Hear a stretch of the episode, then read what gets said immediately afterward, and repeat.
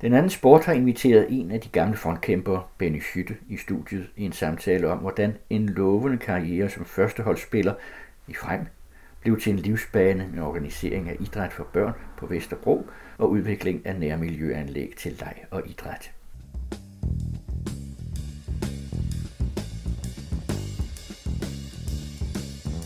Velkommen til den anden sport på den anden radio. Mit navn er Søren Riskær.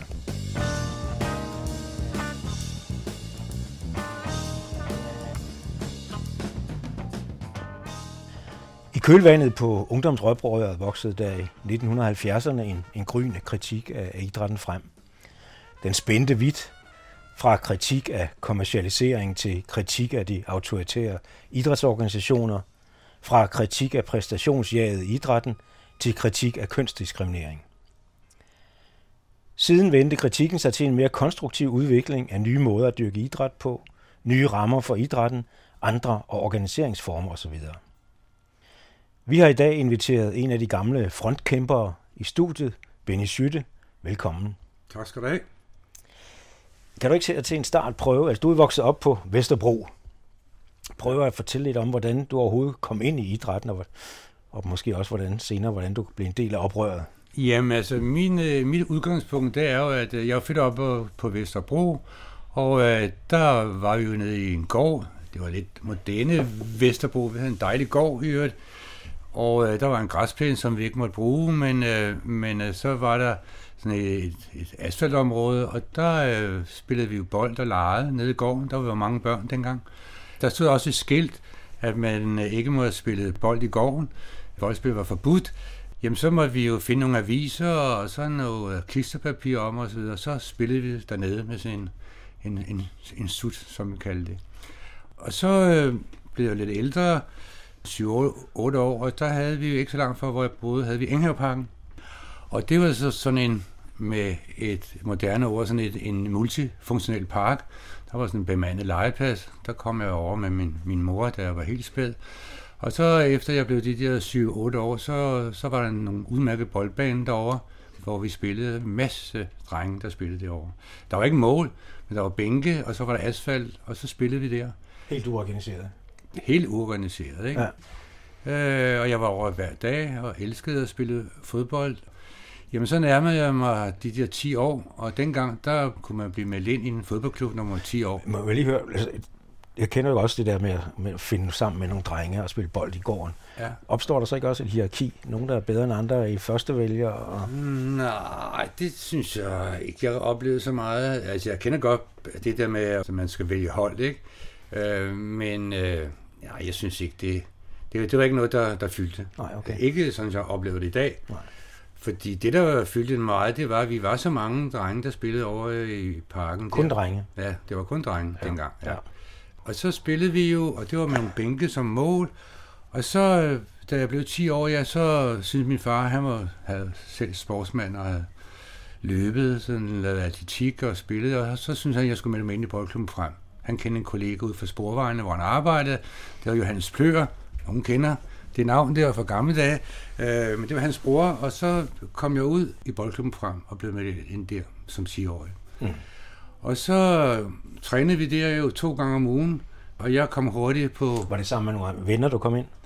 Øh, ja, vi var nogle stykker faktisk fra parken, som øh, blev meldt ind nogenlunde samtidig. Og kunne I spille på samme hold?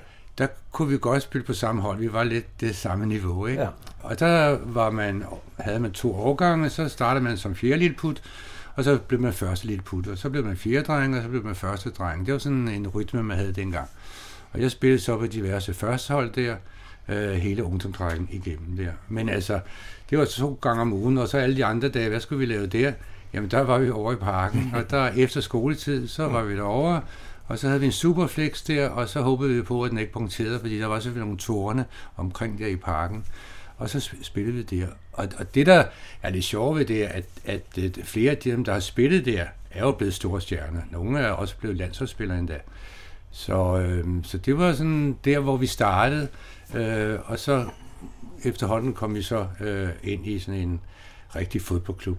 Men vi tog selv derude jo, vi var jo store nok til selv at cykle, så der var ikke noget med forældre, der skulle køre, og, så, og forældre, der stod på sidelinjen og så videre. Det, det, det klarede vi selv. Øh, også når vi skulle til kampe, så kørte vi jo selv ud på cykel, enten på frem, eller hvis vi skulle spille. Men det er så også, fordi det var inden for en lille radius, kan man sige, i Københavnsområdet, ja, ikke? Jo, jo, men der var der en 3-4 km ud til Valby. Mm. Der, der lå boldklubben jo, så vi kørte 3-4 km øh, de der på gang om ugen, men det var ikke noget problem Nå. overhovedet. Var der sådan en gang i en ganske almindelig fodboldkarriere? Ja, det gik stille og roligt jo, ikke? Og så gik man i skole, og så spillede man fodbold, og det var sådan det, man var mest optaget af, ikke? Og så efter, så begyndte du at komme i junior- og yndlingerækken? Ja, og så, øh, så blev jeg jo, skulle jeg være senior jo, og jeg startede på tredje holdet. Hvor gammel er du der? Ja, der er de der 18 år efter første yndling. Ikke? Ja. Så spillede jeg på talentholdet der, og så frem til jo en, en super karriere. Øh, og så, når man bliver rykket op, så de fleste kommer på tredje hold først, og så kan det være, at man kommer på anden holdet, hvis der er lige pludselig en, der er, er gået i stykker, og det gør jeg så, så kommer jeg på anden holdet i truppen, i første anholdstruppen. Og det var så Danmarksserien dengang, og så øh, første holdet spillede jo i første division. Det var Superligaen dengang. Ja. Og der trænede vi jo så også to gange om ugen. Kun to gange om ugen? Kun Stadig. to gange om ugen, ja. ja. Det kan vi vende tilbage til ja. med, med, hvordan det er i dag. Ikke? Ja, ja. Øh, fordi det har jo nogle problemer, efter hvordan jeg ser det. Men så sker der det, at øh, man begynder at snakke om det der med penge i fodbold. Så sker der det, at øh, førsteholdet, øh, at klubben laver en øh, aftale med, med Gajol, Galler og Jessen, at nu skal førsteholdet så spille med reklamer på trøjen. Og det var så meningen, at de penge, det var 30.000 dengang, og de penge skulle så bruges til en østentur, og, og det var okay.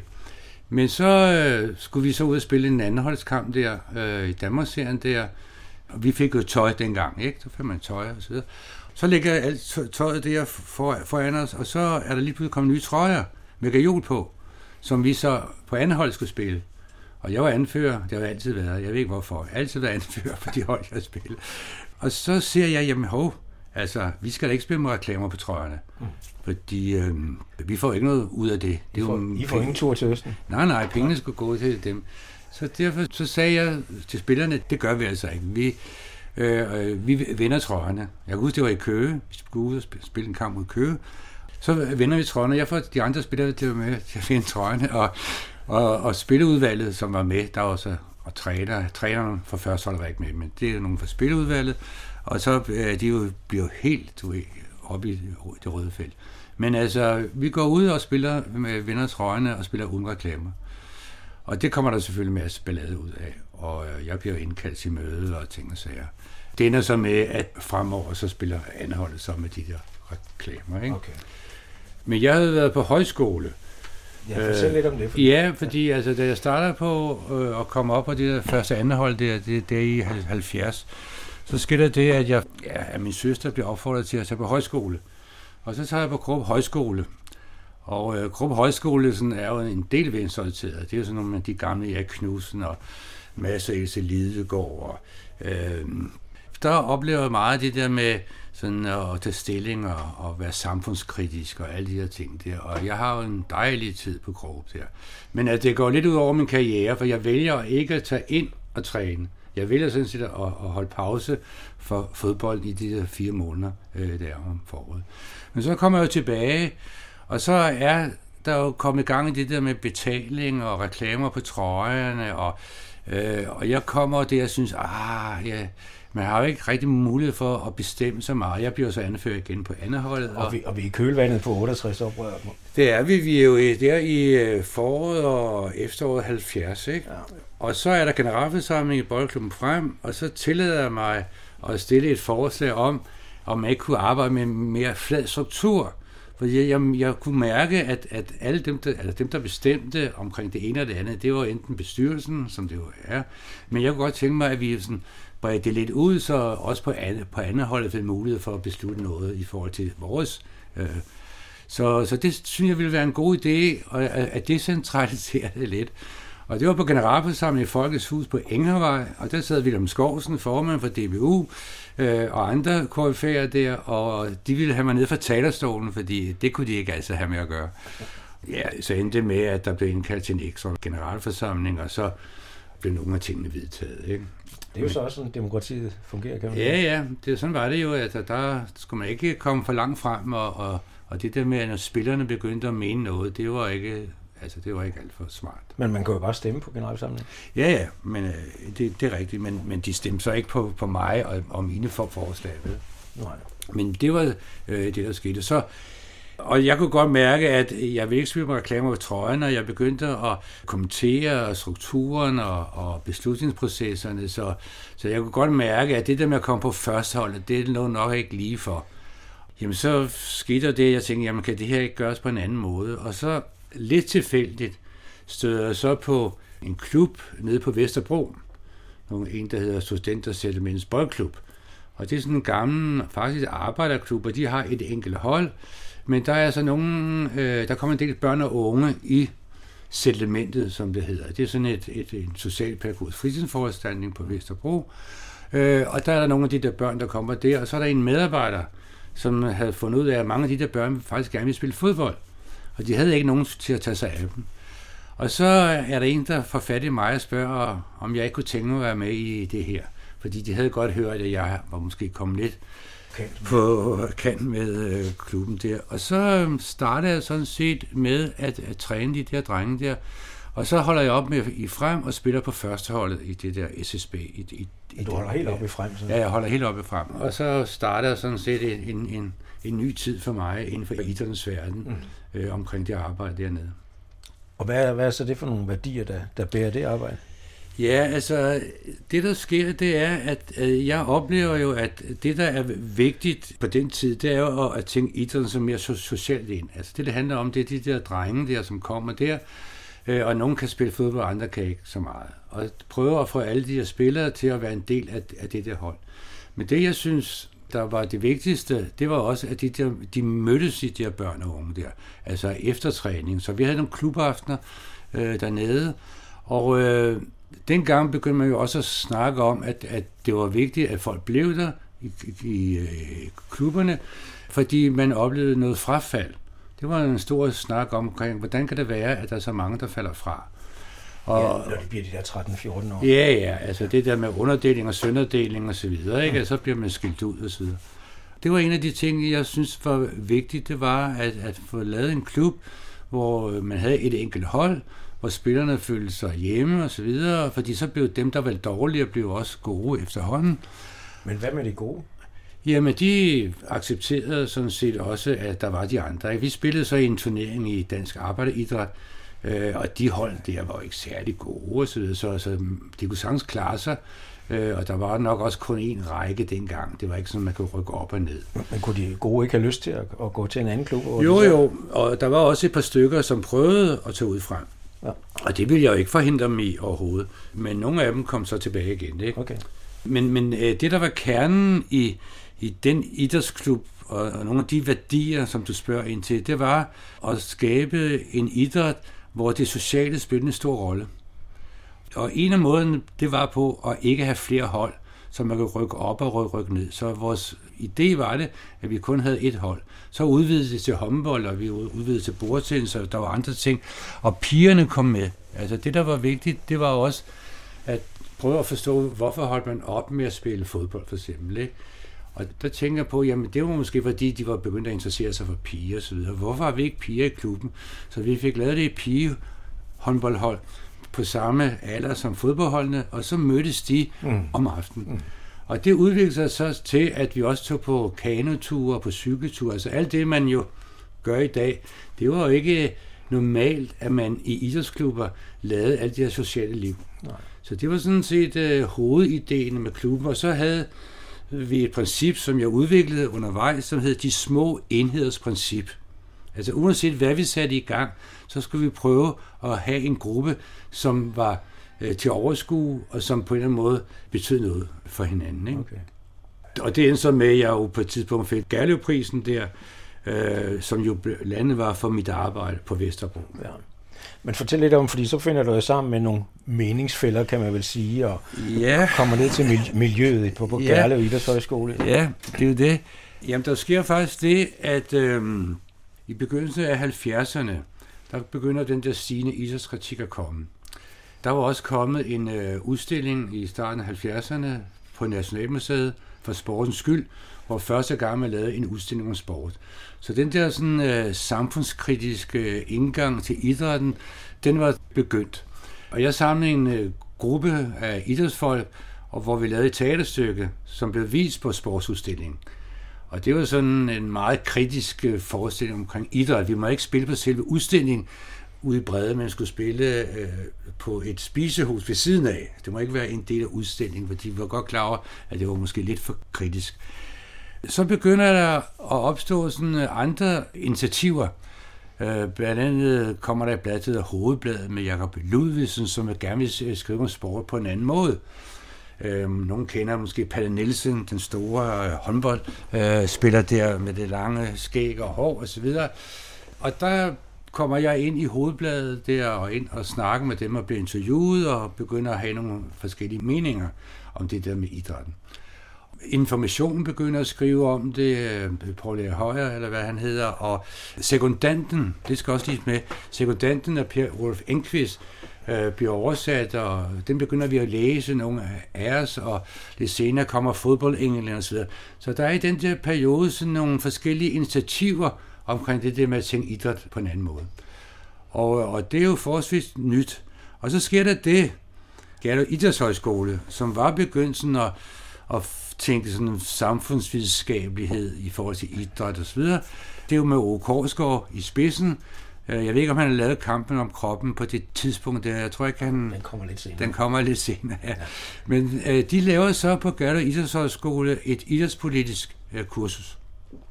Og det er jo første gang, at man sætter sådan et øh, kursus sammen. Det laver man jo i en periode, hvor der ikke er højskoleelever, så laver man et idrætspolitisk kursus. Og der kommer vi, vi er vel en, ja, en, en, en 20-25 dernede på det kursus, det var over tre dage. Og øh, der er forskellige oplæg øh, af Ove og Claus Bøje og Ejke Jespersen. Jeg tror ikke, du er kommet der, Søren, endnu. Og jeg kommer næste år. Det kommer året efter. Men på det første kursus der, der bliver forskellige oplæg, og meget spændende, og vi diskuterer og så videre. Men det, der er lidt interessant, det er jo, at øh, så opstår der to grupper af, af de der deltagere. Der, der er sådan en mere teoretisk gruppe, med Ove Korsgaard og Claus Bøje osv., øh, som jo ender med, at de øh, starter Idrætsforsk, et forskningscenter på Kalder Idrætshøjskole. Mens vi er nogle andre, som er sådan lidt mere øh, ude, det er jo nogle folkeskolelærer og øh, nogle... Øh, ja, der var en øh, 400 meter løber, der hed Niels Larsen, han var, sådan, var rigtig god. Og, og vi var sådan nogle, der var ude sådan i, i virkeligheden. Øh, og vi var sådan mere på den aktivistiske del. Og vi finder jo sammen om aftenen og snakker og drikker bajer, mens teorifolkene de sidder over hos Ove og drikker kaffe og snakker om, hvordan vi skal have gang i den der forskning der. Altså, der er ingen problemer i det. Vi havde bare forskellige måder at sige, hvordan kan vi grebe det her an der. Og det ender så med, at øh, nogle af os, der på det der idrætspolitiske kursus, vi finder sammen efter kurset i København, nogle øh, går på Danmarks Højskole for Lægemesøgelser, nogle går på Blågård Seminarium, øh, og jeg bor nede i Absensgade, nede i Vesterbro, på øh, Vesterbro, og vi begynder at holde møder hjemme hos mig. Og på det tidspunkt er Solvognen så i gang. Solvognen er i gang med alle mulige projekter over på Rebel Bakker og på Christiania i en god hal, og laver nogle fantastiske forestillinger. Mm. Og det bliver vi så inspireret af, for at sige, okay, er det den vej, vi skal gå? Er det noget med, at skal vi lave nogle aktioner på den ene eller den anden måde? Øh, og det finder vi så ud af, at vi vil gerne sådan også bruge altså, nogle andre udtryksformer end den mere teoretiske. Så vi øh, finder ud af, at vi vil gerne lave en, noget, noget teater. Og vi finder så frem til at kalde gruppen for idrætsgruppen Modspillerne, og går i gang med at lave et teaterstykke, som vi så vil tage ud og spille med rundt omkring. Og det ender så med, at gruppen bliver e- etableret, og så er der samtidig det ved det, og det er jo også lidt interessant i sådan en kropskulturel sammenhæng, at Eske Holm, som er solodanser på det kongelige teater, mm. han bliver træt af det og vil starte sin egen dansescene. Og så finder han ud af, at han vil gerne bruge nogen, der også arbejder med krop. Og så får han kontakt til nogle folk, altså nogle studerende inde på Danmarks Højskole for Lægemiddelsyelse, og får dem integreret i den nye dansescene. Så får han etableret Parkus 13, nede ved havnen der, og han hører så om idrætsgruppen modspillerne og siger, jamen kommer I ikke ned og spiller her? I kan da bruge det her som scene. Og så ender det med, at vi sådan set øh, for den der cabaret, der hedder Kampen er begyndt, den får vi skrevet, og det er med sang og dans og musik og så videre, hvor så nogle af de første modspillersange så bliver øh, skrevet dengang. Men så udover det, så laver vi også nogle aktioner. Vi besætter en togvogn, fordi der sker det, at øh, tograbatterne til idrætsfolk bliver skåret ned. Og det var jo ret vigtigt, når man skulle ud og spille mod andre hold og så videre, så var det jo en god idé, at, at man ikke skulle betale så meget som idrætsfolk. Men det mente DSB, man skulle skære ned på. Så vi gik ind i en togvogn i København, og så med vores almindelige tøj på, og vi havde ikke købt nogen billet, vi gik bare ind, og så øh, tog vi vores overtøj af, og så havde vi modspillertøj på, idrætstøj. Og så kørte vi med toget, og så kom kontrolløren, og så sagde han, at vi skulle stå af. Nej, det ville vi ikke og så videre. Og vi havde snakket med Danmarks Radio og nogle andre, at nu kom der et eller andet. Så vi kørte med toget og så nåede vi til Odense, hvor der så stod en helt politiskov øh, udenfor, og så blev vi anholdt alle sammen og kørte ind. Og så der skete der ikke noget her, vi blev så øh, løsladt i, igen. Men det var sådan en inspireret lidt af solvognen og, og, og det der. Så, og så tog vi jo rundt på idrætshøjskoler og på seminarier og spillede øh, den der cabaret. Der var øh, stopfyldt nede i Parkus 13. Øh, så det var, det var lidt øh, sjovt. Og sangene, det blev faktisk til en, en LP-plade ja. på, på Demos, ja. så jeg husker. Ja. ja. ja. Vil du ikke spille en af sangene for den? Jo, det, det kan jeg godt. Øhm, det er jo lidt sjovt, at det kan spilles i dag, synes ja, jeg. Ja. Jamen, det vil jeg da gerne. Og hvad hedder den? Jamen, den jeg skal spille, den hedder Fællesskab. Jamen, den handler jo sådan det der med at, at starte nede i gården, og så komme ind i idrætsforeningen, og hvad er det så, der sker. Så men øh, nu kan I høre. Dette er historie om en kærlighed til idræt, som blev grundlagt i de første barneår. Rundt i gården hele dagen fodbold, det var lige sagen, træthed, raseri, når vi skulle op. Idræt var vores fælles sag, ungerne fra alle lag, var sammen for at slå de store slag. I dagligdagens virkelighed med idrætsbanes mulighed, i håb om drømmen bliver til virkelighed. Dette er historien om en kærlighed til idræt, som slog ravner i de seje ungdomsår da reglerne tog over Honda-klubben lagde hårde bånd og samarbejdet blev til tyranni. Ja, idræt var vores fælles sag, ordene gav dårlig smag. Vi samles for en træners ambition. I daglig dagens vildløshed til idrætsbanens målløshed. I på drømmen bliver til virkeligheden. Det er historie om en kærlighed til idræt, som blev svigtet, da ballonen endelig sprang. Da ideal og sammenhold var tydeligt gjort med åben vold, og eneste motiv var præstation. Ja, idræt var vores fælles sag, så hejste vi det danske flag. Vi samlede som en kæmpe illusion. Fra dagligdagens tyranni med idrætsbanes hyggeleri, er frygt, at drømmen blev til vareri Det er historien om en kærlighed til idræt, som blev dræbt, men som skal bygges op på ny. Elite snæverhed mod fællesskabets rummelighed bliver kampen, som vi alle må tage op. Ja, idræt er vor fælles sag, mennesker fra alle lag, forsamles over alt i tusindtal. I dagligdagens virkelighed med idrætsspændes mulighed, i håb om drømmen bliver til virkelighed. Ja, i dagligdagens virkelighed med idrætsspændes mulighed, i håb om drømmen bliver til virkelighed.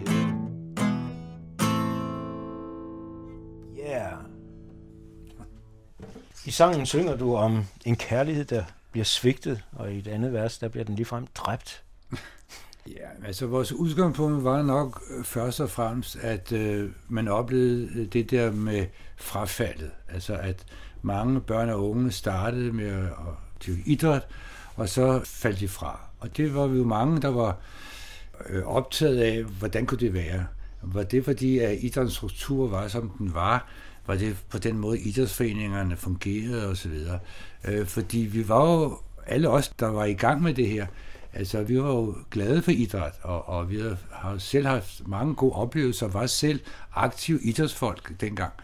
Og der kan man sige, det var så en af de ting, man måtte fokusere på, det var, at øh, hvordan får vi skabt noget idræt, som, som man kan blive i så lang tid som muligt. Det så godt være, at man står af og melder fra og så videre, men, men det der med, at, at man holdt jo op med at dyrke idræt dengang.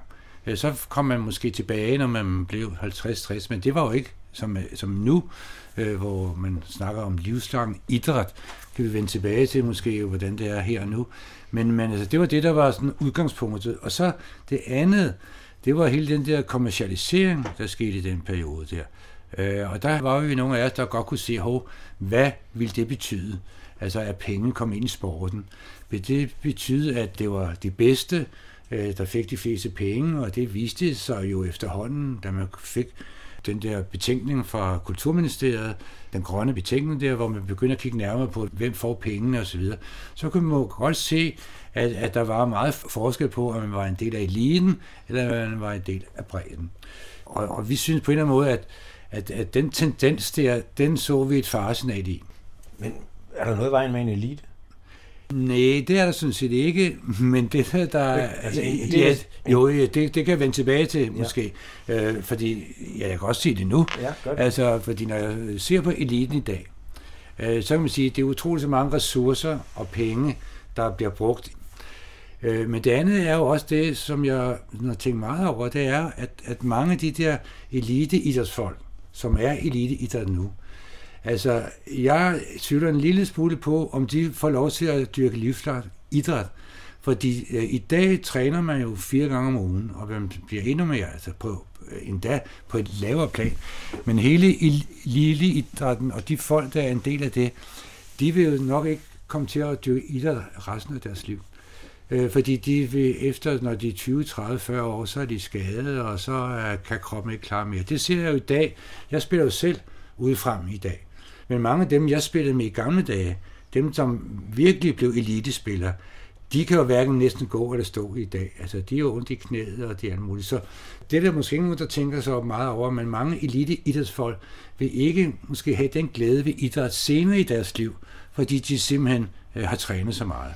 Men vi andre kan have en glæde ved at se på det. Altså. Ja, ja, ja, ja. Øh, men på en eller anden måde, så synes jeg også, at vi må begynde at øh, se lidt bagom den. Altså, øh, og, og der kan man sige, at det ene, det er altså at alle de penge der. Altså, at Messi tjener 1 milliard om året, bare for at tage et eksempel, ikke? Øh, plus det, han så får i sponsorpenge. Men altså, utrolig mange penge bliver kanaliseret ud til de der elite idrætsfolk. Det er det ene. Det andet er også, at meget af den der eliteidræt bliver jo organiseret af nogle mennesker. Og vi ser den ene sag efter den anden med korrupte øh, idrætspolitikere, som sidder rundt omkring øh, og scorer kassen. Og så, altså, så på en eller anden måde er der så mange kan man sige, dårligdomme omkring den der eliteidræt. Og jeg ser det selvfølgelig også sporten der, ikke? Men på et eller andet tidspunkt mm, synes jeg også, der må komme en bevægelse af nogle folk, som reagerer øh, mod det, der er omkring den der eliteidræt. Ikke? Altså hele dopingspøgelsen omkring cykler. Altså, tro mig, altså det der med doping er jo ikke slut. Altså ikke hele eliteidræt, men meget andet er jo baseret på doping og, og, og så videre. Og det tror jeg da selvfølgelig, det bliver svært at gøre op med. Det er jeg da godt klar over, men, men jeg synes, der er for lidt fokus på det. Og jeg har brug for en bevægelse snart, som på en eller anden måde går ind i langt højere grad. Jeg ved godt, vi har played the game, og vi har den, men, men jeg kunne godt tænke mig, at, at der kom en større bevægelse, som kiggede nærmere på, på det her. Men du synger om, at der er en kærlighed til idrætten. Og hvad, hvad er den der kærlighed så baseret på? Hvad er det egentlig, så der er de kerneværdierne, det, det grundlæggende, som du synes er så fantastisk? Kærligheden er jo det der med, at det, det er dejligt at komme ud og spille. Nu kan man sige, at man kan dyrke idræt på mange måder. Ikke? Så jeg ved, der er mange, der løber, og det har de meget glæde af. Men jeg, jeg siger, som Jane Fonda sagde engang, første gang jeg siger en løber smile, vil jeg overveje det. Altså, øh, så jeg, jeg er sådan en, der, der altid gerne vil have en bold, når jeg er i gang. Ikke? Og glæden ved det er jo også, at det fællesskab, der er forbundet med det. Altså, øh, det er jo lige så godt for mig, når jeg spillede på Vesterbro med drengene, og vi spillede og røg, fik en smøg bagefter, og sad og snakkede, og så videre, gik over og købte en sodavand hos den lokale købmand, og gik tilbage igen og spillede videre. Altså, det liv, det oplever jeg stadigvæk. Nu spiller jeg på Super Grand Old Master ude frem, ikke? Mm. Og det er akkurat det samme. Vi spiller så og træner to gange om ugen. Nogle gange spiller vi også kamp. Det er meget sjovt at spille. Vi spiller faktisk kampe mod andre klubber i København, og det er nogle af dem, jeg har spillet mod, da jeg var 10, 12, 14 år. Dem kan jeg så spille med endnu. Men, men det fællesskab, vi har derude øh, hver mandag og torsdag fra øh, 10 til 12, var det, det samme. Det er, så, så for mig er det der med at komme ud og bevæge sig og spille bold og score mål og alt det der, som jo idrætten har, ikke? Jo. spænding og så videre, det er der stadigvæk. Så det fællesskab, man kan skabe gennem idræt, ja. er noget helt særligt, som man ikke finder andre steder. Ja, det ved jeg ikke. Altså, jeg finder det også, når jeg spiller lidt musik sammen med nogle, ja, okay. sidder og spiller guitar og sidder og snakker og, og sidder og får en bar og så videre. Ikke? Men der er jo ikke noget konkurrence i det. Nej, det er der jo ikke, men, men, ja. men altså, det der konkurrence, der er i idrætten, det er jo også begrænset. Altså, selvfølgelig spiller vi for at vinde, og vi går til den for Super Grand Old Master, skal jeg hilse at sige. Ikke? Ja, øh, men, øh, men altså, vi er, jo lige, vi er jo gode kammerater bagefter, og så bliver vi sammen. Øh, så, så det der fællesskab, der er omkring idrætten, det, det kan man nok også få, hvis man øh, spiller teater, eller øh, har gang i noget andet, eller øh, akvarel, eller øh, altså, jeg, men jeg oplever for eksempel, ude i Boldklubben Frem, nu har jeg siddet i bestyrelsen i et par år, og der var jeg meget optaget af de der unge, altså øh, øh ungdomsspillere osv., og der er det jo sådan i dag, at de kommer på skole. Ofte er de endda klædt om hjemmefra, så de går ikke engang ind i omklædningsrummet. De går så ikke ind i omklædningsrummet, når de har spillet og tager et bad, som vi andre gjorde, så går de direkte hjem. Og det er rystende for mig, fordi altså, det der med at gå ind i omklædningsrummet og være sammen, inden man gik ud og træne og fortalte røverhistorier, ikke? og så ud og træne, og så ind igen og være svedig og gå i bad sammen, ikke? og øh, fortælle frække historier, og hvad, hvad man ellers nu, nu, nu gør. Altså det, det var jo en del af det, og det betød jo også, at vi var sammen i fritiden. Altså hver weekend, selvom vi ikke måtte gå til fester og gå på diskoteker og så videre om lørdagen, så gjorde vi det alligevel, ikke? Øh, og vi holdt private fester, så vi var jo venner på samme måde, som jeg tror desværre, at på nogle niveauer er det ikke på den samme måde. Vel?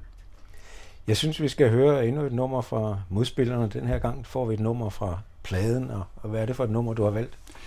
Jamen, øh, jeg har valgt den, der hedder 17 år, fordi det er en fed melodi, synes jeg. Og så handler den netop om det der med, at øh, man havde engang et udtryk, som hed, det er bedre at lugte af hest end af has.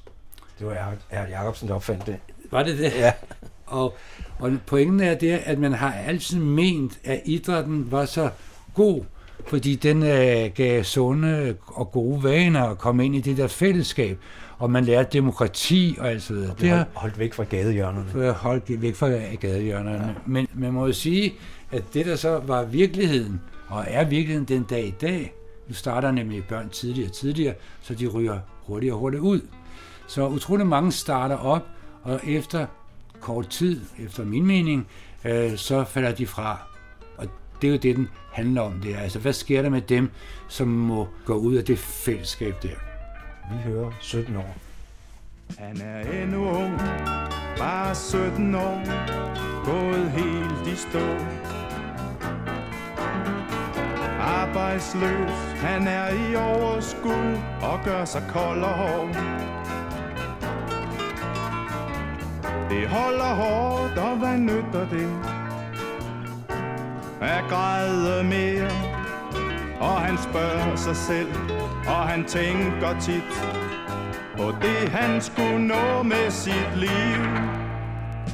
17 år Blevet kold og hård Grunden lagt i de unge år. Flabet og dog en knægt og ødelagt selv respekt.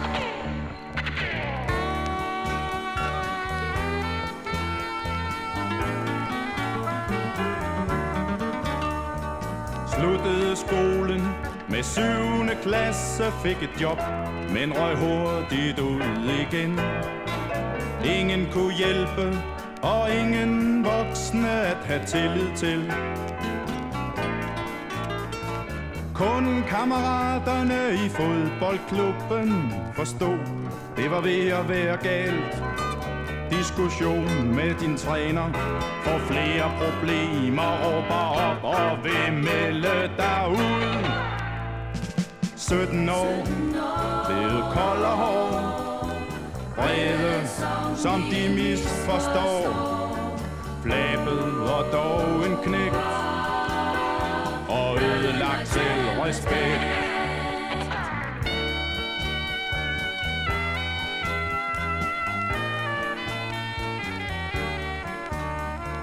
Færdig med klubben og pladsen på holdet, du skulle tyres og blev 12. mand. Slutter med træningen mandag og onsdag, de sidste timer med mening i. Her hvor du før havde spillet den chance, du ellers aldrig fik, kunne problemerne glemmes og smøgerne tændes, mens lysbanens lys brændte ud. 17 år,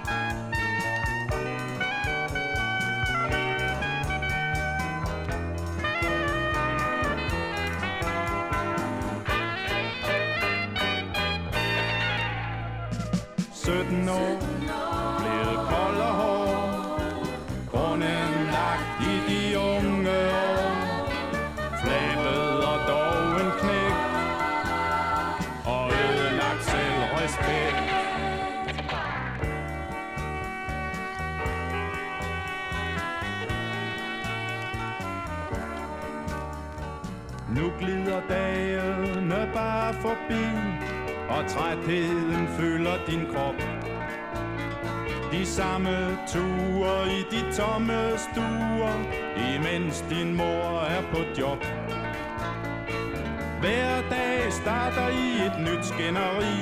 Find et job og se at komme i gang. Og hun siger, det er bedrøvet, og ved du har prøvet, men sårene åbnes igen. 17 år, blevet kold og hård, vrede, som de misforstår. Flæbet og dog en knæk, og ødelagt selvrespekt.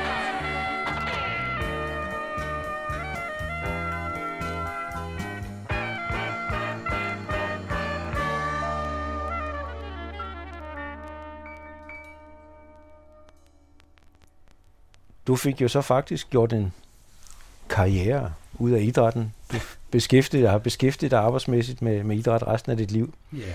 Og noget af det, du især har beskæftiget dig med, det er hvad skal vi sige, det fysiske rammer for, for leg og idræt. Og være med til at udvikle noget, du kalder nærmiljøanlæg. Kan du ikke Ja. prøve at fortælle lidt om det? Ja, jo, der sker jo det, at øh, jeg i en periode øh, begynder at undervise pædagoger i idræt. Det starter faktisk allerede i, ja, i starten af 80'erne, og laver nogle kurser omkring børn og idræt. Og det er jo øvrigt idrætsorganisationer altså en lille smule øh, irriteret over, for de mener ikke, at pædagoger overhovedet skal lave idræt. Øh, og så er der også nogle pædagoger, der ikke mener, at man skal lave idræt, fordi der er for meget konkurrence i. Så vi, jeg røg lige sådan ind i et område der. Men det var en meget øh, spændende periode, hvor mange pædagoger faktisk begyndte at lave idræt. Og der skal man forstå, at det er jo sådan en og forskellige aktiviteter. Og det var fordi, man synes, man også der skulle øh, udvide det, som man ofte lavede med børn i børnehaver, så det var gøssegymnastik, sådan noget med faldeblade og rulle sig på pinder, og ikke under om det, det var udmærket, men man ville gerne have sådan, der var der med lidt gang i den. allerede dengang snakkede man om, at børn havde en dårlig motorik, og det gør man jo også den dag i dag. Mm. Men øh, så begyndte jeg at undervise i det, og så begyndte jeg at se på de der legepladser, der var rundt omkring. Og de var lige kedelige nok, og kunne man ikke lave det mere spændende i forhold til børns fysisk udvikling. Og samtidig så sker der det, at øh, jeg øh, prøver at gøre mig færdig på mit studium. Jeg startede med at læse kultursociologi, og det tog lidt tid, inden jeg blev færdig. Jeg tror, det var i 94. Men der begyndte jeg at blive meget optaget af det der med legepladser. Og øh, jeg øh, skriver faktisk mit speciale, som er en analyse af den danske legepladsbevægelse. Så det der med legepladser og øh, uderum og så videre, begynder jeg at være rigtig interesseret i. Og det viser sig faktisk også, i den der analyse, jeg laver, at øh, idrætten selv, Dansk Idrætsforbund, de, de er også en, faktisk en del af den udvikling der i forhold til at skabe forskellige former for idrætsfaciliteter og præge det. Og øh, efter jeg så øh, har lavet mit speciale der, så undervejs med, med det der med, at jeg underviser omkring børne og idræt, så kommer jeg faktisk også til Norge øh, og skal undervise der øh, omkring idræt og leg og legepladser, hvordan man kan gøre det lidt mere spændende. Og der støder jeg faktisk på sådan en multibane op i Norge. Øh, jeg siger, hold op, det ser da spændende ud. Det er sådan en bandebane med to mål osv. Og så siger jeg, det må da lige være sagen. Hvorfor hedder det multibane? Ja, det blev kaldt for bingen dengang. Og det var sådan en bandebane. Det var faktisk begrebet bandebane, at det hed det dengang. Og den siger, hold op, det er en god idé. Og jeg kommer så til Danmark, og så siger jeg, at den kunne da være interessant at få udviklet den. Og kontakter faktisk sådan et, et uh, legeplads redskabsfirma og spørge, om de kunne tænke sig, at vi lavede øh, noget i, i den her. Men, sagde jeg så, det der er vigtigt, det er, at den ikke bliver for indimensional, så man ikke kun skal spille bold på den. Så jeg synes, man, øh, når hvis man etablerer den et eller andet sted, så skal man tage al jorden væk, den skal skraves væk, og så skal man den lægge asfalt på, eller hvad. Og så den jord bruger man som en vold rundt omkring, så den bliver på en eller anden måde lidt mere multifunktionel. Så kan man løbe rundt om den, eller man kan hoppe op på den, eller man kan sidde som tilskuer osv. Og der starter vi så en produktion af, af de der multibaner der. Øh, og, øh, eller ikke mig, men altså øh, firmaet gør. Og øh, samtidig så sker der det, at øh, Kulturministeriet øh, med Claus Bøje, øh, han sidder der og er meget sådan, øh, med på at støtte op omkring de her nye tanker, omkring de her idrætslegepladser, som jeg vil kalde dem. Og øh, vi får blandt andet tror jeg, en million til at lave øh, en idrætslejreplads eller en multibane, eller hvad man kalder det, nede i øh, Askerød. Et sted mellem en boligforening og en skole. Således at det var et sted, hvor børn og unge kom forbi og ikke kunne lade være med at gå i gang med at spille. Og den lavede vi så både til fodbold og basketball og på asfalt, så man kunne løbe på rulleskøjter, løbehjul og skater og så videre. Der blev også lavet et lille skateanlæg ved siden af. Så det blev sådan en, en, et, et godt eksempel på, hvordan sådan en bandebane kan udvikles til, til noget meget mere. Ikke? Fordi man snakker jo også noget om, at pigerne, hvordan brugte de de her ting? Altså, de var måske ikke kun til fodbold, de var måske også lave noget andet. Hvordan kunne vi også få øh, inddraget dem? Og så spørger jeg Kulturministeriet, øh, om de ikke vil give mig nogle penge til at lave en analyse af nogle af de her nye tiltag, der bliver lavet rundt omkring i landet. Og de giver så penge til at lave en, øh, en, øh, en, en undersøgelse af idrætslejepladser i Danmark. Hvor jeg så ud og ser og finder så ud af, at der er nogen, der udmærker, der er andre lidt kedelige. Og så spørger Claus Bøge der er så lokale andelsfonden blevet etableret, øh, og de vil jo gerne støtte sådan en udvikling af nye øh, fysiske rammer inden for idrætten, og han opfordrer mig så til at skrive en bog om idrætslejepladser. Og så skriver jeg, og den udgives så på Lokale Handelsfond, der hedder En idrætslejeplads skal ligge i vejen. Og den der med i vejen, det betyder, at vi skal skabe nogle idrætsmiljøer rundt omkring, hvor folk bor, så man ikke kan undgå at bruge dem. Det er sådan, så kort beskrive, hvad det er for nogle principper, der ligger til grund for, for de legepladser? Ja, ja, principperne er, at de skal dels ligge, hvor man kommer forbi, der hvor der er børn og unge, men også gerne voksne selvfølgelig, ikke? og at de skal være til uorganiseret, altså man kan bruge dem døgnet rundt, ikke? og meget gerne, og det fik vi jo også lavet mange steder, øh, noget lys, således at når man kommer ind på banen, så tænder det lys, og så kan man lave et eller andet automatik, som gør, at kl. 10 om aftenen, for ikke at genere beboere eller, eller andre, så slukker de. Det er sådan en meget enkel konstruktion. Men altså princippet er, at det der øh, skal være tilgængeligt, og at det er for den uorganiserede idræt, som jo også, kan man sige, kom mere med i billedet i de år der. Altså, vi fik skatermiljøerne, ikke? Og vi fik øh, ude omkring i boligområderne med basketball og, og så videre. Så det var en tid, hvor blandet støttet af Lokale Andelsfonden og Kulturministeriet, hvor siger, okay, vi må også skabe noget plads til det mere uorganiserede. Og det var jo et brud med hele idrætten, hvor alt skulle foregå øh, på firkantede baner og en idrætsklub. Så, så det betød jo, at, at hele øh, byrummene også, altså i de forskellige byer, både små og store byer, altså fik etableret sådan nogle tilgængelige øh, idrætsmiljøer. Og det har været en bevægelse, som har været succesfuld, må man sige. Der er etableret rigtig mange. Ja, og det bliver ved med at være der rundt omkring, ja. øh, og de udvidede jo lidt. Nu kom så alle de der fitnessredskaber. Øh, det er jo også, ja. ja, ja, det er også, så det er jo efterhånden blevet sådan en blandet landhandel. Øh, man kan så diskutere, om de står for mange steder. Det debatterer man nu, og nu er de ved at fylde og er alle steder. Men, øh, men øh, altså, på, på den lange bane må man sige, det, det har virkelig fremmet øh, lejen og bevægelsen. Og, og jeg læste lige en artikel, et idrætsblad, hvor der stod, at der er noget med 55 procent af den danske befolkning vil gerne lave mere idræt, end de gør i, i dag. Ikke? Øh, og det er også, sådan kan man sige, et, et alternativ, det at gå ind i et fitnesscenter, ikke?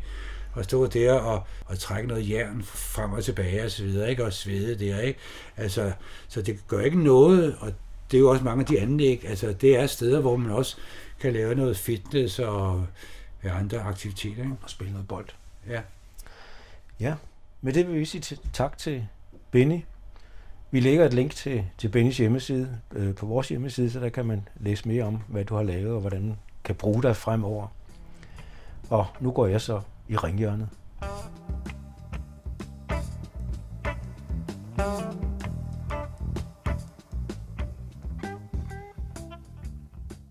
Ringhjørnet er stedet, hvor vi puster ud og reflekterer over den sidste runde i idrætspolitikken – i dag sidder jeg, Søren Riskær, alene i ringhjørnet, så der bliver tale om skyggeboksning. Det første tema, jeg vil tage op, det er spørgsmålet om eventuelt boykot af fodbold-VM i Katar. Næste år skal, som man ved, øh, VM i fodbold spilles i Katar, og hvis Danmark kvalificerer sig, har der rejst sig en diskussion om det danske fodboldlandshold skal øh, boykotte mesterskabet, fordi Katar jo er en meget problematisk stat med et problematisk styre. Og det har ført til, at øh, kulturministeren blev kaldt i samråd af SF omkring spørgsmålet. Og på samrådet forsvarede kulturministeren, så længe hun holdt sig til de talepunkter, hendes embedsværk havde givet sig, meget fornuftigt, at regeringen ikke kan blande sig i idrætsorganisationernes interne anlægner, hvad de beslutter, og at en regering ikke skal skubbe fodbolden foran sig som gissel i et politisk sag, og at det er op til fodboldspillerne selv at bestemme, hvad de vil. Alt det var meget fornuftigt, men da så øh, hun var færdig med talepunkterne, og diskussionen begyndte, så sagde hun, sport er sport, og politik er politik. Altså underforstået den klassiske, at man ikke kan blande de to ting. Og så faldt det hele ligesom til jorden endnu en gang. Tænk, at man stadig kan fastholde den påstand, at sport og politik ikke har noget med hinanden at gøre, som om det er to adskilte sektorer, som man kan holde isoleret. Altså man kan jo ikke holde øh, sektorer adskilt fra hinanden. Alene det, at man har valgt at øh, gennemføre mesterskaberne i Katar, er jo en klar politisk handling. Så det var lidt ærgerligt, at, at øh, de ellers acceptable argumenter faldt fuldstændig til jorden, da hun kom med det udsagn.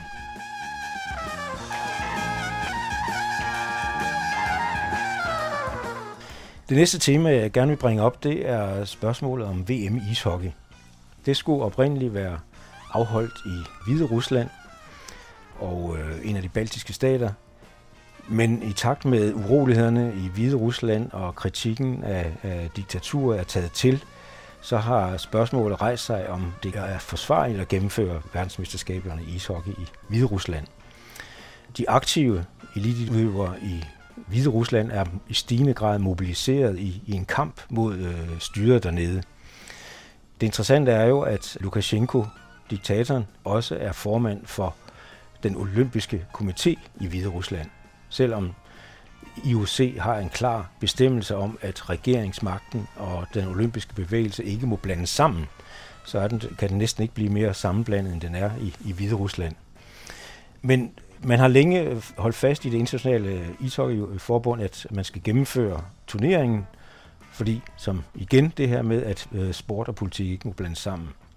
Men så skete der det interessante her, at hovedsponsoren for ishockeyforbundet og turneringen, nemlig Skoda, bilfabrikken Skoda, gik ind og sagde, at de vil trække sig fra arrangementet, hvis øh, turneringen blev gennemført.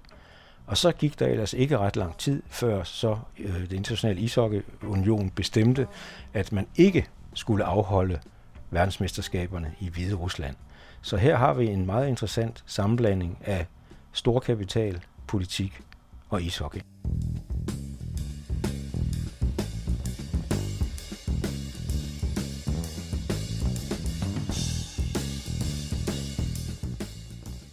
Det sidste tema, vi tager op i dag, er en undersøgelse, der er kommet fra Idrættens Analyseinstitut, som med jævne mellemrum har gennemført ret omfattende undersøgelser af danskernes idrætsdeltagelse.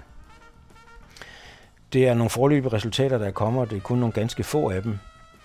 Hovedkonklusionen er, at idrætsdeltagelsen blandt voksne faktisk er faldet de senere år, og det er den også blandt børn. Blandt voksne er den faldet fra 64 procent i 2011 til 57 procent i 2020. Altså et fald på 7 procentpoint.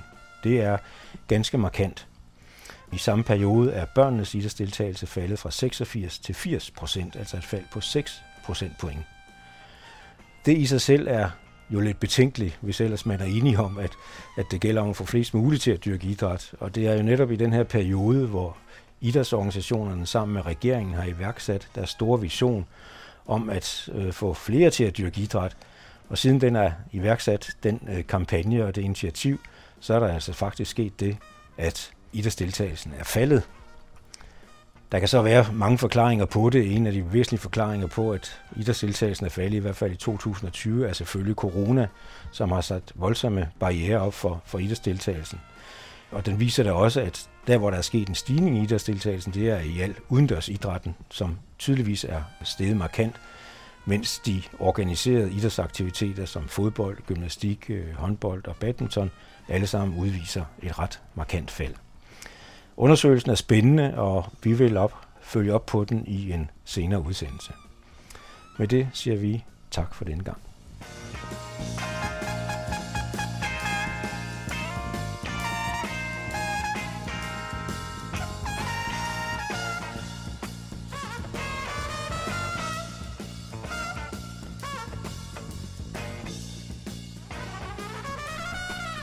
hørte Benny Hytte, og det er Søren Riskær, der tilrettelægger den anden sport.